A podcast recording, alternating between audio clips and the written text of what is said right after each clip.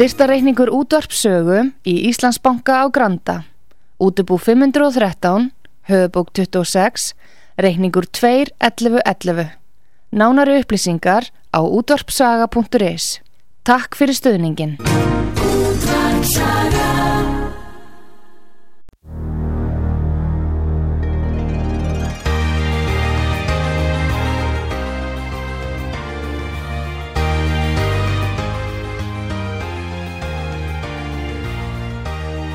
Heimsmálinn í umsjón Artrúðar Kallstóttur. Fréttir og fréttatengt efni af Erlendum Vettvangi.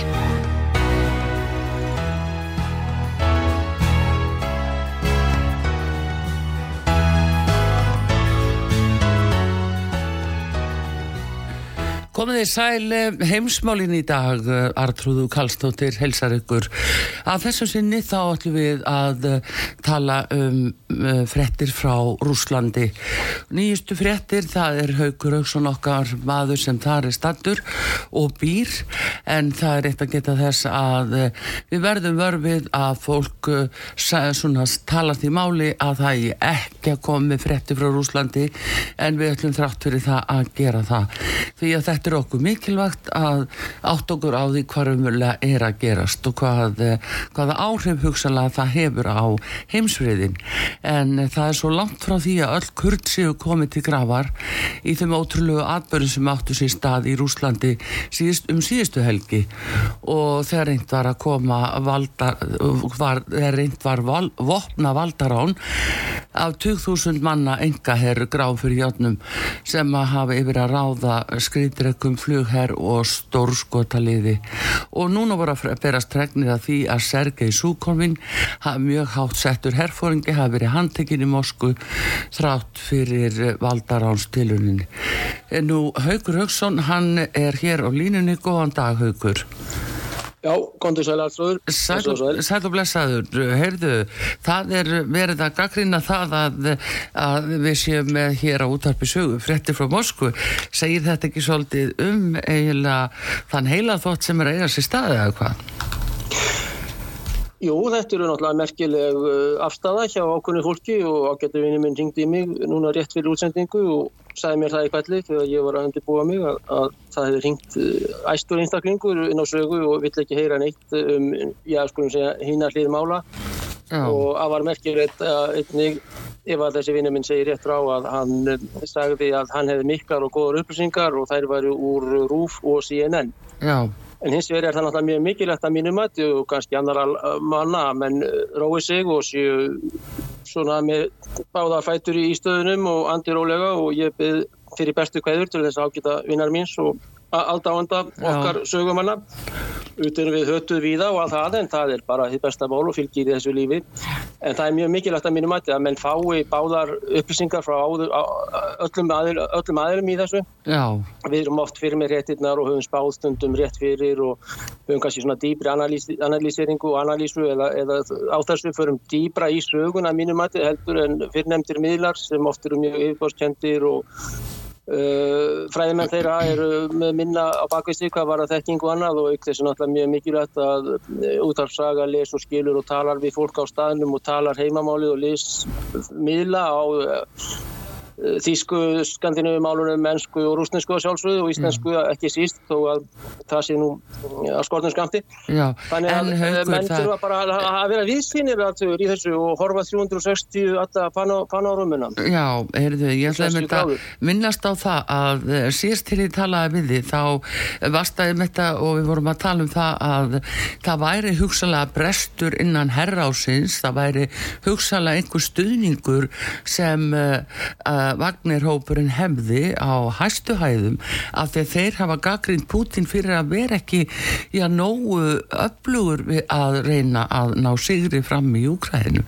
Nú verðist það bara verið að koma fram eða hvað? Hver er, var þetta raunveruleg hallabilding, hver er staðan núna í þessu máli ef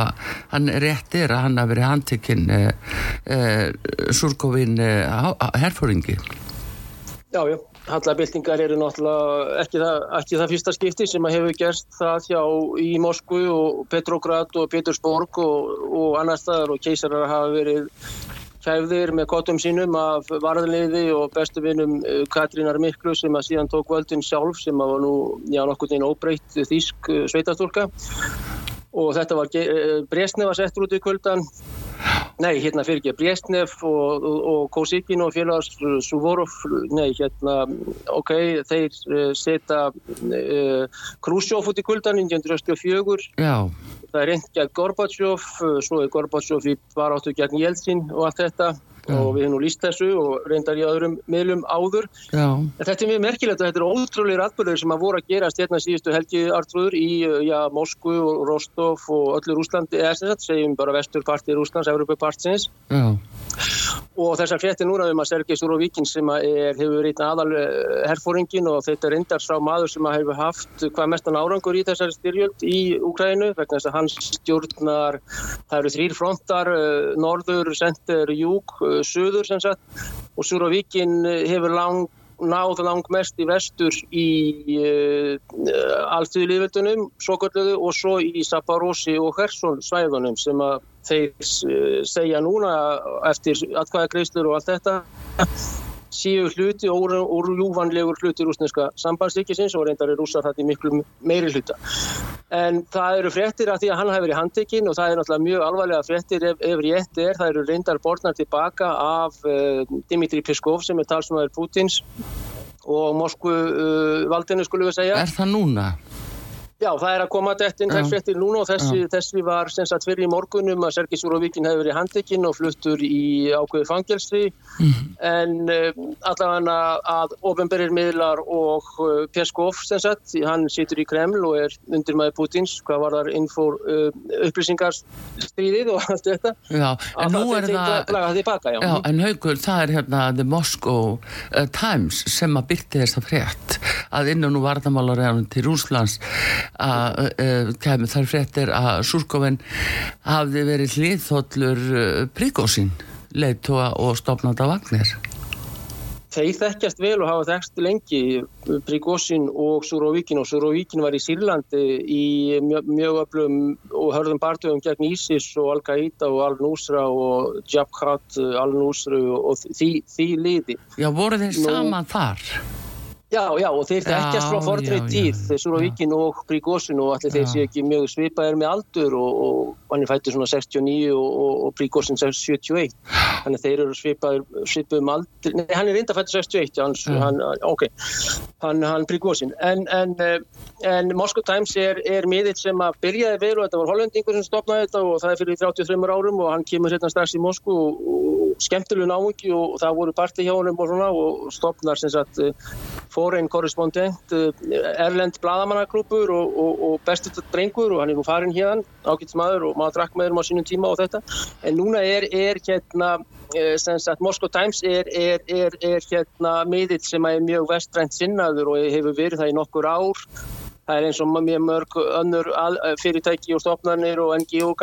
hann byrjar vel en endar kannski lakar en, en það er miður sem er mjög ráйтær sinnaður og, og hefur ég, kannski ef að þeir hafa góða heimildamenn innan þarna á frúnsenska ja, Uh, Moskvi, hérna, Moskvi ána þá getur það vel verið og það er spurning að þeir segi þetta en þeir eru hins vegar mjög á mainstream línunni núna og en þeir hafa að færa blæðamenn innan bors og þess, þetta er miðl sem er starfandi innan Rústlands þannig að já, rýtskoðunin, hann er mjög anti-Kremlin þannig að rýtskoðunin er kannski meiri en þessi en hins, hins er það líka það að hann kemur út á ennsku og hann er náttúrulega leðið að blæðamönnum, diplomötum, businessmönnum þeim öllum sem er eitthvað hluti og náttúrulega frá friðja heiminum líka innan Moskú þannig að já, en, en þetta er óstaðfest fullkomlega. Já. já, en það er sama að þetta varst, þú búin að segja grunnsamtur um það að Prigozhin hefði þennan stuðning eh, á hæstu hæðum. Og já, þessi já, átök þarna á milli herrásins annars vegar og Pútins um að fara harðar fram. Pútin hefur freka dreigið í land. Hann hefur ekki vilja senda öll þessi vopn sem að beði varum það likur fyrir Það líkur alveg fyrir og, og þetta er eh, ákveðin sta, staða sem er mjög alvarleg innan hersins að Prígósin virðist hafa meiri stuðning í hæstu hæðum herrásins og innan hersins og ekki síst undjá undurmönnum og óbreytum heldur en, heldur en menn vilja vera láta af þeim í Kreml og, og þess aftur þannig að það er vissir og þetta er nokkur aðtröður sem að við komum inn á í og höfum gert ofta leynisunni held ég Já. hvað var þess átrúlega atbyrði sem hafa verið að gerast og þetta er nokkur staðreind sem að er alveg klárlega og að vagnirliðar e, e, hafi þennan gríðilega herstyrk sem þeir hafa og geti sett mönnum, skulum við segja, úslita kosti e, og ef þetta hefði gengið það var hálsbreytum að þetta hefði, ef menn hefði byrjað að skjóta ákvöldn annan hérna á þjóðvígunum hérna suður af Moskvu og niður af, af Rostov þá hefði ekkert verið hægt að stoppa slíkt en síðan kemur þessi inkoma Aleksandrs Lukashenkos fórseta Kvítarúslands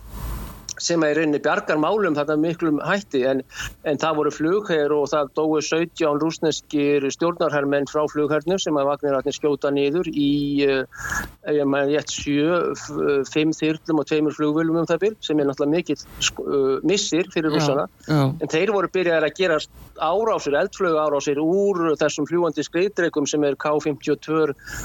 Alligator er hann kallaður af NATO eða sem sagt uh, það reyndar hindin, þeir hafa há yfir helikoptera og MI-8 og MI-24 til gríðilega sterkar þyrlur mm -hmm. og uh, þannig að það voru byrjuð átök á þjóðvígunum þar að segja, já þeir skutu niður 17 menn drápu og, mm. og, og, en, en, en rúsneski flugherrin hann var byrjuð að skjóta það eru uh, myndbönd af því úr uh, þyrlum árásaþyrlunum á uh, þeirra trukka lestis með fulla af skotvopnum og það er, sagt, og það er gríðilega sprengingar á þjóðvíkum Rúslands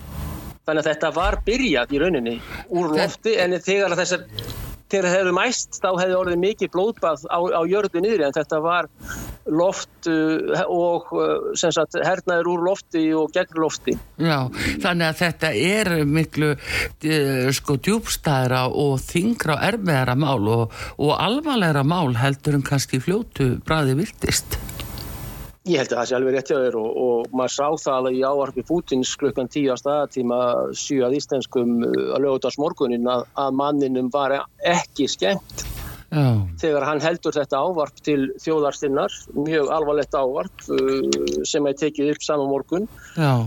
og um, honum kom þetta mjög í opna skjöldu og uh, að menn væru hér grái fyrir hjárnum heilu, uh, í heilu bílalestunum uh, fjórar bílalestir og einn að kjarnorku veri eða kjarnorku sílóum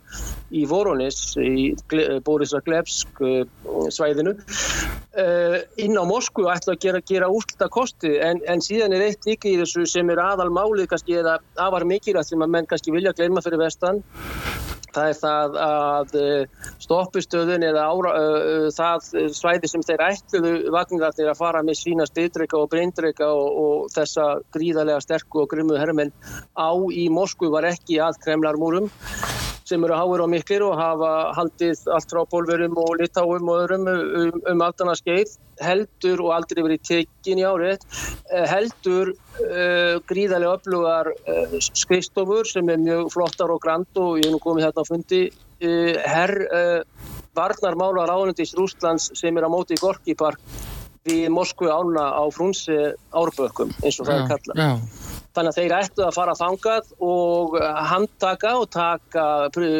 Prigósin ætlaði að fara þangað og, eh, og handtaka Sergei Sjaiku varnamálar á þeirra Já. og yfirmann herrásins uh,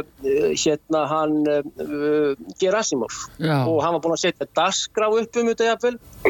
klukkan 15 þá komum við að Moskvu, klukkan 16 þá verðum við komin að þanga klukkan 17, þetta er kannski grín, klukkan 17, ofinbjörn henging Gerasimovs. Já, já. Það er ekki, ég veit ekki hvort að hann skrifar þetta sjálfur príkósinn en það er kannski eitthvað í hans gráa stíl. Eh, hvernig finnst það að þetta er um í huga, hann getur farið og ráðist á að, sem sagt, varnamálaráðfrjónum og aðstamann í hersins án þessa að Kremlu veri búin að stoppa hann eða öllu þeirra verði þá eitthvað skelvileg vagnirhópsins. Já, já, Þetta, þetta er góð spurning og þarna er svarið það að hann hefur það búist við he, e, svikum eða ekki svikum sem sagt hjá eða hallabildingastemningu hjá her, herrmönnum, óbreytum og officerum, lautnandum og, og, og bara upp úr og frá einni til þryggja og upp í fjóra stjórnum sem þeir hæstur með þannig að hann er sem að verður ekki e, sem að verður ekki raunin á ekki síst eftir ávart Pútins. Já. Þannig að hann hefur gert ráð fyrir annari stemningu hjá hér lauruglu og leinitjónustum. Já, já, hann hefur talað sér hafa uh, meiri meðbyr hann hefur talið sig hafa meiri meðbyr væntalega og hann hefði, hann hefði getað kyrta á þessum þjóðvegum en auðvitað fara þeir með sína mjög öllu árastafþyrlur og MIG og Suhoi og Iljúsin og þessar gríðarlegu herþótur sem, sem hafa mikinn sprengi og, og burðarstyrk þeir hefðu náttúrulega uh, geta rústa þeim á jörðinniður hvað var þar afsmunin í rauninni sem náttúrulega er á þó að príkósin sé gríðilega sterkur og vagnir allir. En er Þá þetta hef... samt ekki haugur sko vísbending um það að þarna séu einhverju flugumenn hugsalega inn í, ja, í nær umhverfi Pútins? Jú, ég held að það sé alveg rétt þegar þess vegna var Putin kannski svo nervust þegar hann er þarna allan lögategin og hann, hann náttúrulega svaf ítla eða svaf kannski ekki neitt þessa fyrir nóttina, hann fær rapportinir að koma hingað til Kremlar eða til uppi, uppi skrifstofunar hjá honum upp á klukkan 21 á förstaskvöldinu og það er vinsælt að byrja valdar án eins og við vitum með Tyrkland og Erdogan og Já. þegar að NATO ætlaði að drepa Erdogan eða síja skulum við segja og, og þeir sem er náttúrulega aðal stjórnandi það byrjar á sama tíma í öllu Tyrklandi þetta 17. júli 16 eitthvað slútt og, og, og hérna og hérna e, þannig að hann er mjög nervösan bútinn þegar þetta er alltaf gerast og þetta hefði sem sagt geta komið farið endað á alla, alla, alla vegu en, en e, varðandi þetta þá, þá er alveg nokkuð klárt að e, styrkur príkósins bæði hernaðalegur og annað er miklu meira ofinbeglega og innan vekkja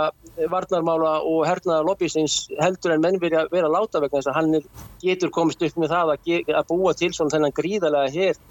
og, og, og það er mjög verulega fara að hitna undir að margra mati skulum við segja en það er ekki látið neitt ofinbeglega uppi undir Sergei Kusokur Getovic Söygú sem að eh, ættaðist hér stóra hluti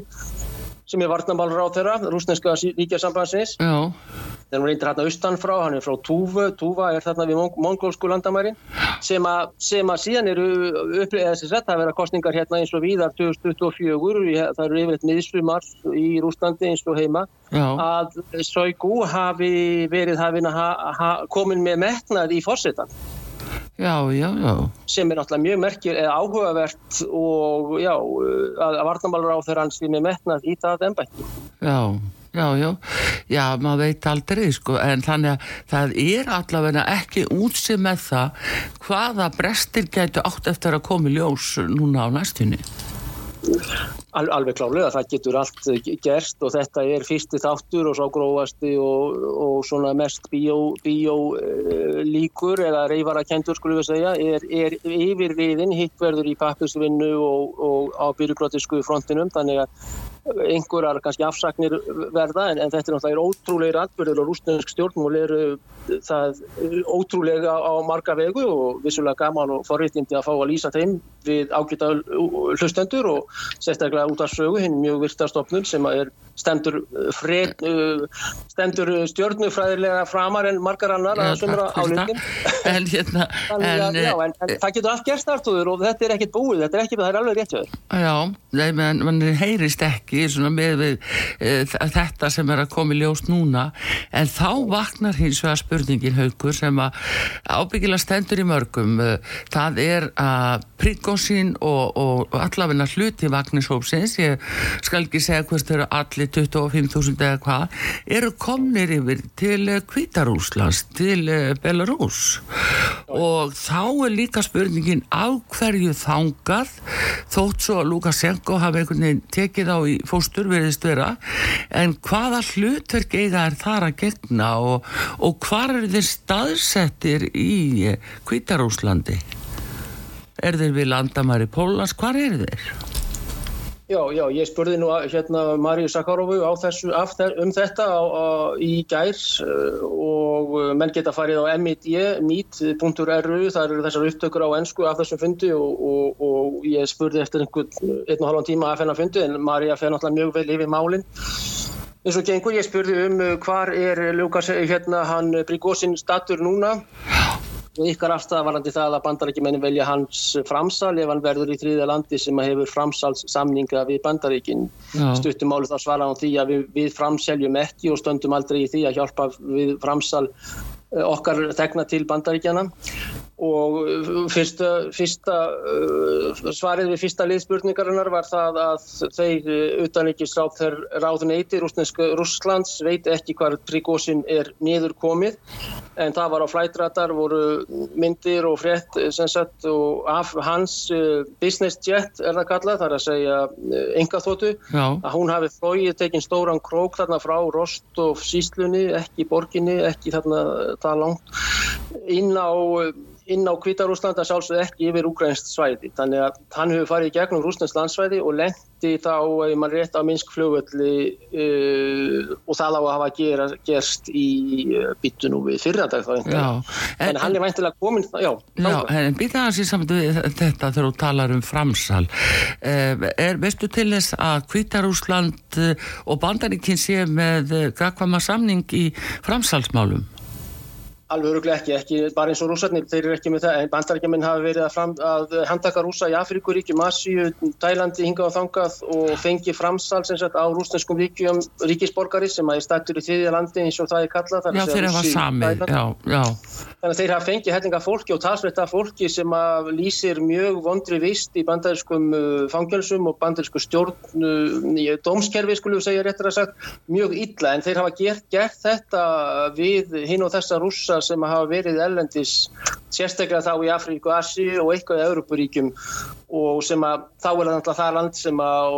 ef menn er ekki í transitzóna, ef menn er ekki á transitflugullinum sem sagt, þá er annað lögfröðilegt dæmi en, en mm. ef menn hafa fengið farið gegnum passaskoðun, mm. þá er menn komnir og óbyrgulega inn í, inn í hitt, uh, á, á jörðu sem sagt uh, annars ríkis og, og bandarækjumenn hafa þá sendt sína síamenn ásamt einhverjum lögurklumannum yfirleitt eða ekki uh, og ofta er þetta mjög grófar aðgerir og hann tekir fólk og menn eru settið þá í hausboka og bara út í send sendibíl. Já, en segð mér, uh, af hverju hérna haugur, uh, af hverju hefur ástæði til að ætla að bandaríkjaman uh, vilji fá að framseldan Bryggosín? Er ég að skilja þetta rétt? Já, þetta var bara, þetta var ofinber uh, tilkynning og, og Marcia sem settiða Marja í gæra, þá fór hún nefnir dagsetningun og númir á þessu plaggi sem er frá líklega State Department eða Justice Department bandaríkinum að þeir muni eftir alltaf þessa atbyrði fara fram á framsal Príkósins ef að hann fer til þriðja lands og ætli þá að setja hann í, í Guantanamo eða, eða bandaríst fangilsi í, í appelsinungunan samfesting. Hvort þetta á að vera einhver frá konunum stuðnins yfirlýsing við Putin er náttúrulega spurning en hérna er þetta nýjast að CIA hafi Eh, ekki að Príkósin sé síja ég maður heldur að, að, að bandarskan leinin þjónustan skulum við segja beint út á samt einhverjum öðrum undir verktökum. Þá er það BND og eitthvað slíkt. Og, og SBU Uh, hafi látið príkvósinn fara í þessa grófu aðgerð eða hjálpa til og held ákveðnum ólíu og öðrum eldtunum um vökum á ákveðna elda og vissulega á réttum tíma sem er analýstísk vinna hjá þeim að, að og svo náttúrulega eru upplýsinga uh, skamtarnir hvenar, hvar og hvernig og hvað á að vera í þeim skeitum þetta kunna bandar ekki með Já, en nú voru ef að, sko, príkvósinn var náttúrulega með vagnirhópi nýri síla Íslandi og, og drapa allt sem fyrir honum varð sem kunnugt er. Þar voru bandaríkjaman líka þannig að, að hann gæti hugsalega þekkt á eh, einhverja þar sem voru þar með honum. Já, já, já, já. já hann hefur Það er alveg rétt fyrir, en hann hefur, þá er það einhverju menn í Pentagon eða einhverju sem sagt herfóringar sem hafa voru þar uh, on the ground eins og sagtir í Sýrlandi og bandarækjumenn eru ennþá með viðveru í norð-austur uh, Sýrlandi þar sem að miklar oljuflutningar eru inn á Tyrkland með drukkum. Já. En uh, það ég til að mjög ólíklegt að hann sé í einhverjum uh, og ekki síst með sínum svarnast óvinni sem að eru bandaríki í Norður Ameríku í dag að hann sé í blotti með þeim. En hins vegar eins og ég er endur líka að beinda á í fyrrataga að gæra og, og fyrra er, er það að þessar leinithunnstur það er þeirra vissulega vinna að analýsera hlutina að hafa allt á hreinu og fyrir en allir aðrir. Já. svo stjórna þau stundum fréttaflutningi og hjálpa til með það. Og að með hvað var að metna veikleika uh, ákveðina einstaklingar sem að hafa ákveðin gríðarlega oft lindan styrk og, og stuðnings í bakhondunum upp í Kremljapel og herra ráðinu og hinga á þanga til þess að, eh, til þess að hérna til þess að, að setja allt í há, háa loft og þetta er ekkert nýtt hjá sérfræðingum í leinitunustu að gera þetta og hefur oft tekist vel og, og svo sagt, falska flaggið og allt þetta. Þannig að Þetta er að nýjast að sjá frá Moskvu og frá ofinbjörnum uh, fréttastofum og, og reyndar frá leininþjónustunni hér um er að reyna að setja þetta þannig upp kannski gagvart almenningi sem að við erum ekki, ekki alveg að kaupa á því að, að, að, að Evgeni Prigozhin sé síjari, sí, síjamaður, þannig að já. Nei, nei. En það er allt mögulegt í þessu eins og ég reynda að segja líka sko. Já, já, já það eru náttúrulega bara tengsl, það þurfu ekki að vera, en já, þau eru til staðar. Já, og þetta er nú, þetta er svolítið merkilt, en hérna, uh, Lukashenko, förum að svo honum, Alessandr Lukashenko, uh, fórsetta Kvítarúslands, uh, hvaða hagsmunni sér hann í því að taka Príkósinn og Vagnirhópin yfir til, til Kvítarúslands? Það er fyrst og fremst myndi ég segja að það er að hann hefði komið vekk fyrir uh, mikið uh, blóðbað sem hefði átt sér stað í, í Moskvu það er alveg klart mál, það er, voru þrýr sem að dói 91 í ágúst 91, uh, það voru ofinbölaðir einhverjir 350 uh, sem að dói í oktober 93 3. og 4. oktober þá mhm. er, er endurinn á tívaldaráni, ég var nú þar undir byssukúlum og, og snæperum með þess að raupandi þarna undir skritrykka og brýr og annað í, á Kalinski prospekt við Kvítahúsið í Moskvu, Já. þar dói flestir þegar þeir ætlaði að taka Ostankin og sjónvastuðuna, þar dói kannski 500 manns, það var algjör hakkavel þar, ríkalegar aðgerðir og mikið blóðbað, reynda fór ég ekki þá rútu, kannski sem betur fyrr, en það voru rútur frá Kvítahúsinu upp í Ostankin og sjónvastörnin, þar sem er hæsti sjónvastörna Európa, 540 metra að eh, hann, hann kemur í vekk fyrir þúsund uh, þúsundir látina og döður dáina og drepina af rúsum sjálfum, rúsi gegn rúsa innan rúsneska landmæna og það í höfuborginni og það eftir við í, í miðunni Moskvu þar að segja við á móti Gorki Park. Já. þannig að hann, hann er orðin mun sterkar eitthvað var að politíst séð og politíska framtíð og, og hann var í símtölum við Kreml, við reynistónustutnar rúsnesku og við herinn rúsneska og síðan við Prigozhin sjálfan. Og, og að sögna þá var mikið blótað í þeim símtölum. En um, Alexander Lukashenko er nú fyrirvændi stjórnandi Samirkibús og er svona virtur hjá uh, eh, allþví manna fyrir það og stóð sér vel, mjög vel í því landbúnaðardæmi og, og, og Kvítar Úslandir orðið eitt aðal landbúnaðar útflutningsríki og mm -hmm. allt þetta. Þannig að þetta er mikill uh, öflugu kall, hann Lukashenko og, og uh, það var nú valdar án reynd gegn honum 2000 í ágúst miðsumars og þá fór hann, eh, síndi mikla takta og, og tók uh, Kalasnikov vélbísu sér í hendur og gekk þar að þessum mótmælendum og annað. Uh, hann reyndir ekki með magasín í byssunni, í mhm. En, en hann hefur, hefur og það að hann ætli sér að stopna sambandsríki sem er núna tollabandalag ásand rúsneska sambandsríkinu, Kvítar Rúsland pluss Rúsland, það því það að hann og, hann og hans apparat og persónulegir hægir og allt þetta munu aukast verulega innan uh, ríkjasambandsins sem að verða uh, ekki 17 miljónum ferkilometrar heldur 17, eitthvað vegna þess að Kvítar Rúslandi er um það byl 300 200.000 tverkjum tvísa tísinu stærri en Ísland. Já. þannig að hans, hans sagt, og, og, uh, og hann myndi þá auka mjög mikið sinn persónlega stund og bara vægi og, og pólitíska framtíð líka innan, innan en hann er orðin mjög uh, Putin er mjög sem sagt, uh, já hann er ekki háður honum kannski og þeir eru, hafa verið í mjög góðum tengslum en Lukashenko hefur mjög, kannski sigurvegarinn alltrúður er Lukashenko í þessu spili Já, og það er mjög merkilegt. Það eflega styrki stöðu hans sem að var náttúrulega veik fyrir út af bara þeirri uppreið sem að varði í Kvítarúslandi í kostningunum síðast og Tíkanarskóa hefur nú verið að hafa sig mjög í frammi á, já, minnskosti evróskum vettvangi og uh, hús í bandaríkjum og Flórida en hún er víða. Þannig að, að, að, hérna, að því er haldið á lofti og ef ég maður rétt að þá var að Lukashenko sem sagði nei ég hætti eftir næstu kostningar og uh, þar lendi var hann kannski að kaupa sig eitthvað frið en nú fær hann svona mikinn herstyrk. Og það er það sem ég er að spyrja um þar sem hann er orðin svona öflugur út að herstyrk sínum í gegnum Vagnirópin er hann staðsettur að við landamæri Pólans Mm. Já, Kvítarásland alltaf á landamæri að Póland og, og Litáin og Já. ég veit það alveg klálega það er ekkert, ekkert íkju fréttir að menn bæði í Varsá og Vilnius eru og það verður gríðalur NATO fundur núna í næsta mánuði eftir einhverja hvað hálfa mánuði í Vilnius. Og, og, og það er bara rétt þar hjá sem að nýtt kjarnorkuveldi er komið á kort, Európukorti Ég er að segja það. Og, og mjög óvænt 30.000 manna algjörir bardagaseggir með gríðalegt vopnamagn bara eru komnir hérna vegna eins og ég segi þá Kvítarúsland er ekkert svo rosalega stórt land og hinn löndin líka þannig að með, landakortið og balansin sem sagt hernaðabalansin er hernaðjafvægið og ógnarjafvægið sem að, er nú glemt orði í íslenski pólitík, Já. stjórnmálafræðum og þessu, er orðið mjög uh, á þá, þá vogaskáluna sem að er hægra megin á kortinu, þar segja austan megin, þar að segja Kvítarúsland með þennan, já, skulum við segja, öfluga litu sem er Alexander Grig, uh, hérna, Grigorjevits, Grigorjevsson Lukashenko Já, og Vilnius er þarna rétt já og Varsjá er bara öll stutt frá Kvítarúslandi líka þannig að, þannig að er að þetta segja mjög óvænt spil. Þetta er nefnilega mjög óvænt í málinu í raun og veru hvernig þessi atbyrður á sér það er eins og vagnirhópurinn sem bara fluttur uh, til er sko, þú veist, ef maður horfið þannig á það hann er bara fluttur til á þetta svæði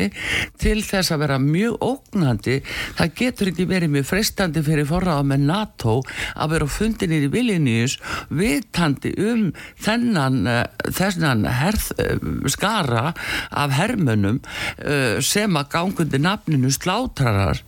bara í stuttri vegaleint frá Já, ég, er búin að opna allasinn og Vilnius er ekki um einhverja 50 km á kvítrúsnesku landmærunum. Þá serðu það og þarna er okkar bestu innan ákveðina gæslappa diplomatar að fara og, og stjórnmála elita Íslands á leið þarna á mi- mikið NATO-fund fljótlega og menn sem hafa skilið eftir ákveðina rúst í Moskvu í sendiráðsmálum og þetta. Þannig að þetta er náttúrulega nokkuð sem að fólk á að hafa gríðarlegar áhyggjur af og hafa með sér bæði vesti og hjálma og þá er ég að segja skoteldvesti og, og, og hjálma frá væntalega keflaugustöðunni og sittileginu þar en, en það er vonandi að menn hjálpi til með slíkt en auðvitað í Litáin er NATO-ríki og Tikhanovska eins og þú segir að hún er í Vilnius miklu leiti og Varsjá þessum er þessar tvær höfuborgir sem er Já, ekki já. svo langt frá Já. og, og Varsjá er um það byrgast í 120 km frá hvít rúsnesku landamærunum en Svetlana Tikhanovska hún er viðurkend af íslenska stjórn auðvitaðurkistráðundinu allavega undir stjórn mjög völd stráksgulla sem réttgjörinn og legi- legitimat uh, uh, forseti í Úkrænu og sama segir íslenska utarrikisráðandi, ég veit ekki, ég efast mjög um að það hefur orðið stefnubreiting að Juan Guaidó sé réttgjörinn forseti uh, Venezuelas. Já, Þannig að Ragnar Reykjavík getur verið réttkjörinn fórseti Íslands en, en þetta svona prinsippleysi náttúrulega er ótrúlegt og, og Svetlana er ágætis stúlka og þetta. já, já, það er ekki máli en, Framhjálpi. en þetta er sko þetta er bara svona leikmynd sem við sjáum og það er ekki hægt annað en að varpa ljósi á það En þú hlýtur að þurfa að hafa prótokoll frá yfirkjörstjórn til að gera verðan rétt kjörin og svo se- sendir á skipti og takast í hendur sagt, ef þetta er á utryggisvettvangi en að gefa svona yfirlýsingar náttúrulega sko þetta er svo mikið neista fyrir utryggisráð neyti skulum við segja og það apparat og stjórnlega kannski sem að stjórnar baka tjöldin. Lífveldisins Ísland. Já, já, veistu það kannski okay. bjargar þeim svolítið að það hafa svo fáir áhuga á ötrækismálum að fólk er Jú. og svona og jáfnvel vill ekki vera að fjalla um þau þar að segja að, á þessu svæði og alls ekki núna að þá bara vekur þetta ekki aðtikli en þetta er mjög aðtiklisvert mál í alla staði en haugur svona frá þessu kannski ég þarf að fá auðlýsingar núna hér á útarpisögu og ég ætla að ná sambandi við þið aftur svona í lokin og spurja þið svolítið um uh, sko stöðuna á Evrópusambandinu um samskipti við Rúsland uh, frá þér séð. En uh, Haugur Auksson, frettamæður okkar er í Moskvu, hér á línunni í heimsmálunum í dag, Artrúðu Kallstóttir við fáum auðlýsingar og við komum aftur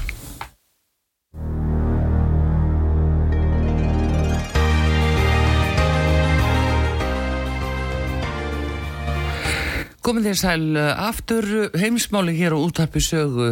frá Rúslandi í dag og, og Kvítarúslandi. Nú eh, Haugur Haugsson, frettamæður okkar, við ætlum að eh, aðeins að kanna hjá þið núna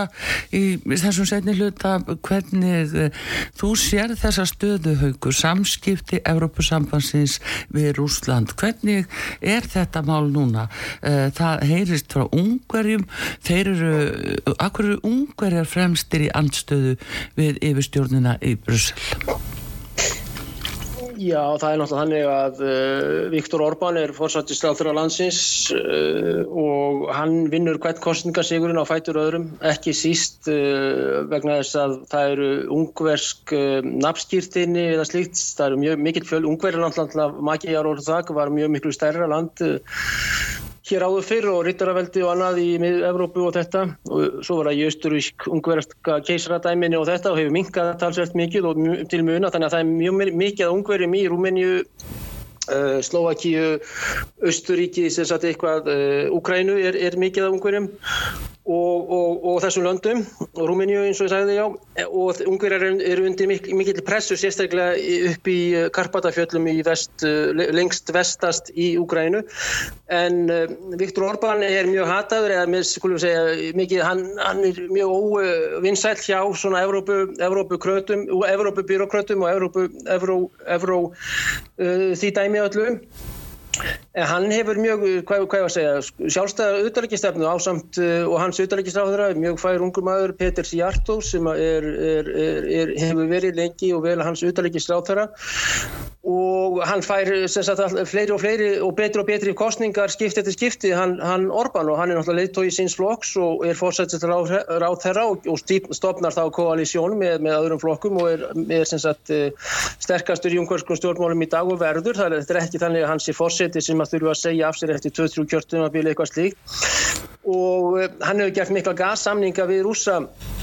það var þar Gazprom sem, sagt, sem er svæði sem er þarna og uh, þeir eru að kaupa gas á 350 dali fyrir kilokúbometr 1000 kúbometra sem sagt mega, mega, mega fermetran já. já og það, það er til ásins 2035 uh, það er til ásins 2035 og það er stíl upp á sem mun, mun betri tíu sunnum núna ódýrara gas inn á Ungverðarland heldur en hinn London í, í Evrópu skulum við segja. Já, já, en ég segja að það er samningu til 2035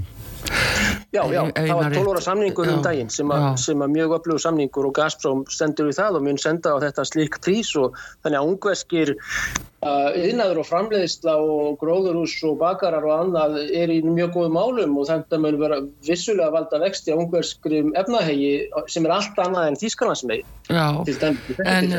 nú hefur verið þessi tókstreita þarna á milli Europasambansins og ungverðala alveg sínileg tókstreita og Já. Þeir náttúrulega óhræsi með þessi viðskipti þarna á milli að, að þeir séu þá ekki að virða viðskiptabannið.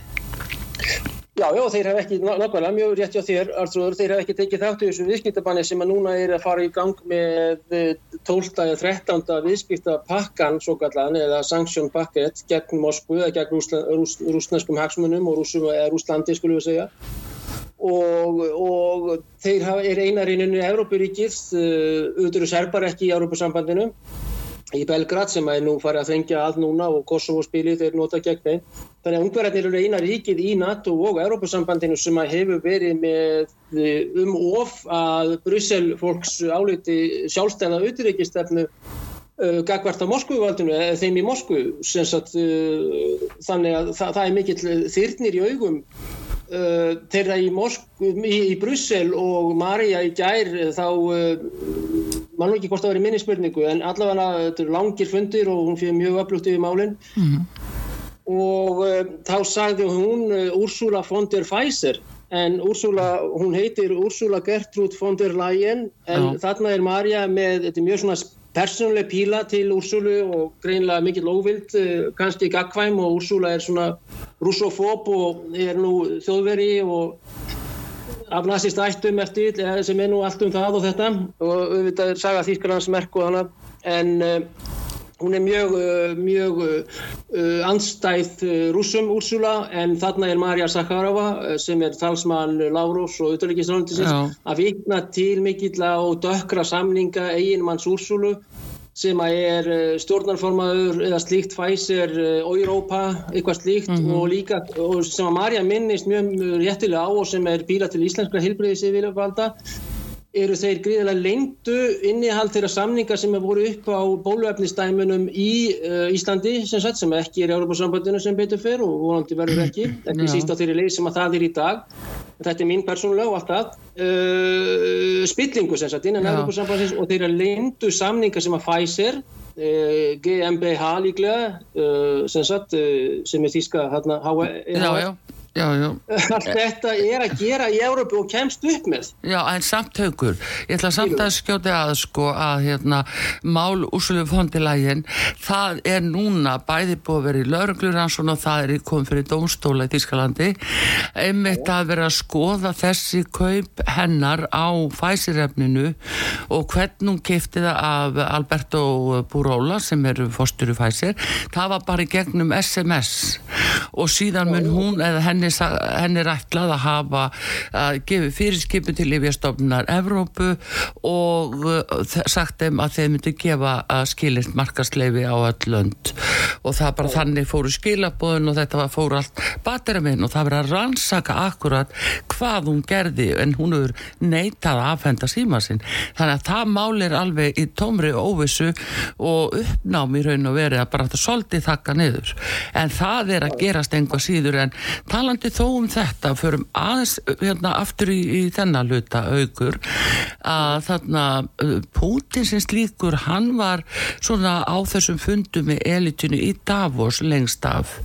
Þar til á árinu 2021 og þegar COVID-faraldurinu farin á stað. Og uh, menn á, í Davos voru meðal annars að skipuleggja uh, The Great Reset sem að núna er komið á stað og enduræsingin mikla, mikla og verið að umvelta þessum þjóðríkjum daldið eh, Putin sagði þá nei, ég ætla ekki að vera með ykkur. Og það var Európusambandi sem neitaði að samþykja spútning bólaefni frá Rúslandi út af anstöðu Putins við Davos og þessa stefnu. Hvað er, hvar er þetta núna stað? Hvað er núna, hvað er, er COVID í Rúslandi núna? Og allt það tal? Þeir bara glemdu COVID upp úr stríði og, og, og hættu öllu þessu þe þeim gríðarlegu áráðursherrferð sem að var í Rúslandi rétt eins og í öllum Európaríkjum öðrum um að, um að uh, þetta væri sagt, þessi hríkalega pest sem að reyndaringin hefur ekki nokkur vísindumöður hefur, hefur náð því eða þrátt fyrir velunabóð um að útiloka þessa veiru og gefa ná, mjög náinn skýr á henni Þannig að þeir hættu þessu og í hú til dæmis uh, World Health Organization og öðrum að þeir eru hættir samstarfi við þessar stofnanir og þetta þarf stríðið til í rauninu til þess að menn uh, taki svona já, drastiskar ákvarðanir en, en Rúsland var mjög inni í öllum því dæmum uh, hvað varðar COVID-málin og þá manipulation sem að var í gangi með, með það allt dæmi. En þeir eru núna algjörlega hættir og það eru rétt til þeirra, þeir eru hættir að að taka þátt í tíðdæmi og, og hafa sagt hú að fara heim til sín. Já, en talaðu með hugur af hverju heldur að þessi hættir? Af því að það er ekki verið að virka á lengur. Það er ekki verið að virka á lengur vegna að það er að koma núna nýjar upplýsingar um það einmitt að, að þetta sé sko alveg heljarinnar svikjangi og uh, sko hvernig þetta var búið til og framleitt og þetta tengist inn á gerfigreindina sem er að hellast yfir allt og alla núna út að innihaldi efnana og af því að Rúsland eða Putin, þeir voru ekki með þetta tiltekna innihaldsefni sem er í spröytun sem vera setja í okkur hlinn. En það er svona mál sem að fer nú að fara í, í umræðu held ég og, og við möttum að ræða betur síðar. En þetta er, þetta er bara alveg eins og í reyfara að sjá þetta satt að segja eins og þetta er í dag. En það er merkilegt að heyra að það er skyndilega allt COVID horfið í Rúslandi og það passa við það sem ég er að segja. Já, algjörlega og spillingin hjá þessu fólki, minna úrsölu kaus enginn. Sjósmarell sem er þeirra auðvitaðlíkislega kaus enginn, uh, Charles Michel kaus enginn, þetta er ákveðin klíka sem að situr í Bryssel og líður ákveðlega vel og þetta og þá vist að draga okkar Íslandinga inn í þetta og ég held að ekki ekki nokkur flokkur, vonandi Sigmundur vinnur okkar eh, í fólki flóksins á móti ingöngu í Europasambandi Já, en, jú, hann er nú í miðflokknum og, og svo er það flokku fólksins, já, þau eru á móti og, og nú sjálfstæðisflokkur og framsókn hafa miskusti verið með þá stefnu að vilja ekki fara hann inn, þannig að uh, nú er bara eftir að sjá hverji verða leiðtóri í þessum flokkum, það er, það er alveg þetta tóm og óvisa hérna Kolbrún fer þarna inn þegar hún tekur við að bjarna þegar hún verður í hérna, formaður sjálfstæðisflóksins, það er alveg klart mál og hún er undir þeim, þess áttar áhrifum frá mið-Európu og Ístur-Európu og það það hálfa væri nóg. En þú minnist að Júval Nóa Harari, hann er maður sem ætlar að stopna nýja trúarbröð beigða á gerfigreind.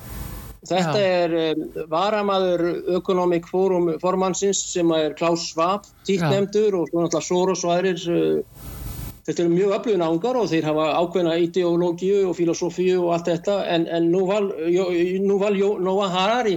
hann talar um useless mouths, hinn að ónýtu jetara eða eitthvað slíkt yeah. og hann segir að þetta er fólk, we have to put those people on drugs and computer games. Þetta er beint tilvitnin í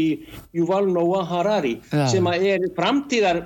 bak tjálta makkari heimsins, hann er Ísraelsmaður, ungur, uh, vísindamaður og mjög klókun áhengi og, og býr með sínum eigi manni í ja, Tel Aviv eða Jérúsalem eða Haifa eða einhverstað. Þetta segja... Mér kemur, ég hef ekki áhuga hvernig og hvernig og hvors og sefur og sefur ekki. Já, Þetta er, það vara maður og hann væri á einhverjum stofnunum væri hann sem sagt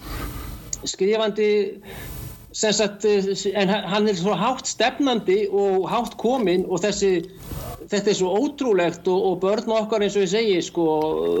með fræðslu á umsins lífssviðum akkur er má ekki láta börnun okkar í fríði og leifa með að vera börnum sem lengst Já en þú ert að segja mér að það, hann sé að leggja það til að, að það er að halda fólki í dópuðu eða ungu fólki í dópuðu bara og fyrir fram að tölvuna Nákvæmlega og það er náttúrulega með þessum uh, sjálfvirkni og automatisation og allt þetta sem að náttúrulega minna vörubílar vera fljótlega bílstjóralausir og allt í drónum og heimsendingar og annað. Já, þetta segir Júval Nóa Harari og hann, hann, hann má eiga það, hann er mjög opinskári í sínum Já, já, þeir eru þannig að blímsir en, en sjáðu yfir tökum ef við tökum Ísland þá hafa menn meira að segja gengið það langt að segja já, við leifum bara LSD við verðum bara að prófum LSD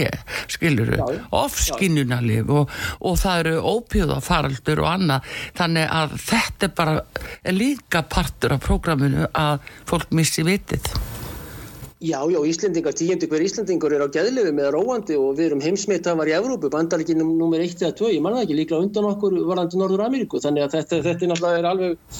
e, skjálfilegt og nýjastu lögin og nýjastu samtíkt Selenskis á í rötunni verkbúna í Rata sem er aðstæðar áðið í Ukrænu, Rata ráð e, er að leifa kannabis e, efni og fyrsta, í fyrsta skrifi er það í medikal uh, tilgangi, þannig að Já. hann er hægt og rólega að koma dópi inn hjá sinni tjóð sem að það var mjög stránt á sovjetímanum og Ukraín voru mjög heim, heilbrið þjóð hérna áður fyrir og allt þetta. En er ekki akkurat bara þetta sem er, er það ekki þetta sem er stefnað, það er dóp og það er uh, gerfi greindin og tölvan og, og þú tölvan yfir tekur þig ef að, hérna, ef að þú ert til dæmis bólusettu með uh, Pfizer og, og því öllu saman, þá ertu orðin fangi gerfi greindarinnar, er ekki bara nákvæmlega það sem er að gerast. Og þá en haugur við erum kannski komin út í einhverjar kenningar sem við eh, getum ekki búið alveg ábreð á þannig en, en það er alltilega kasta þessu fram því að,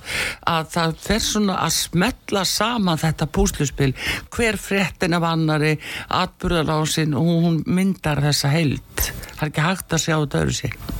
En sannleikurinn Artrúður, hann er oft uh, líginni ótrúlegri á og þetta er eins og rúsnesk og sovjast politík sem ég hef líst uh, í 33 ára að sannleikurinn er oft líginni ótrúlegri á og, og, og, og þannig er það líka með þessi yfiráð og þessa manipulasjón sem er í gangi þar, þessi handstýringu og þessi fjárstýringu á fólki og öðru og það eru smá einhverjar Eh, málmagnir þarna bæði í þessum livjum víst að nanoefnið sko. skýjum, það er verið að greiður flugulum eh, viðbjónum yfir Ísland. Þú sér þessi eh, rendurnar hímtreil yfir Ísland hérna líka reyndar. Og já, þessu og það er hefningar af myndböndum af þessu þetta, þetta er eitt af þessum leini markmiðum og, og, og, og ótrúlegar aðgerðir í gangi gegn, já, ég veit ekki gegn hverjum en já Já, þetta er nefnilega alltaf skýrast áldi haugur og akkurat það að Rúsland sé ekki meðin í þessum pakka, engum á sérlega eftir henn að fundi Davos í hvað februar 21, eða, já, nei, í lók janúar 21 og þegar að Putin neita að taka þátt í þessu, þá fór auðvitað þetta alltaf stað. Það er bara það sem að, að maður sér núna sem er að gerast. En þetta á eftir að skýrast betur haugur, ha? Hann hittir sér forman og síðan segir hann bless við vestri Já, þú meinar, já, það er það, já, en allavegna við vonum að það, þessi NATO-fundu getur nú farið eh, fram frisamlega og á þess að verði nokkur okn, ég, mér finnst nú bara hálf sláandi til þess að hugsa að eh, þeir séu þarna Vagnirhópurinn bara, já, þarna stutt frá og bæði hérna Lettlandi og Pólandi í landamærunum og, og, og fundurinn í Vilnius eh, eftir, já, halva mánuð. Þetta er svona,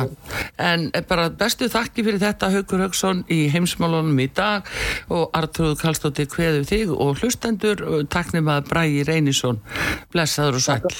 Takk Artrúður, bestu hverju yfir. Takk, takk. Sæl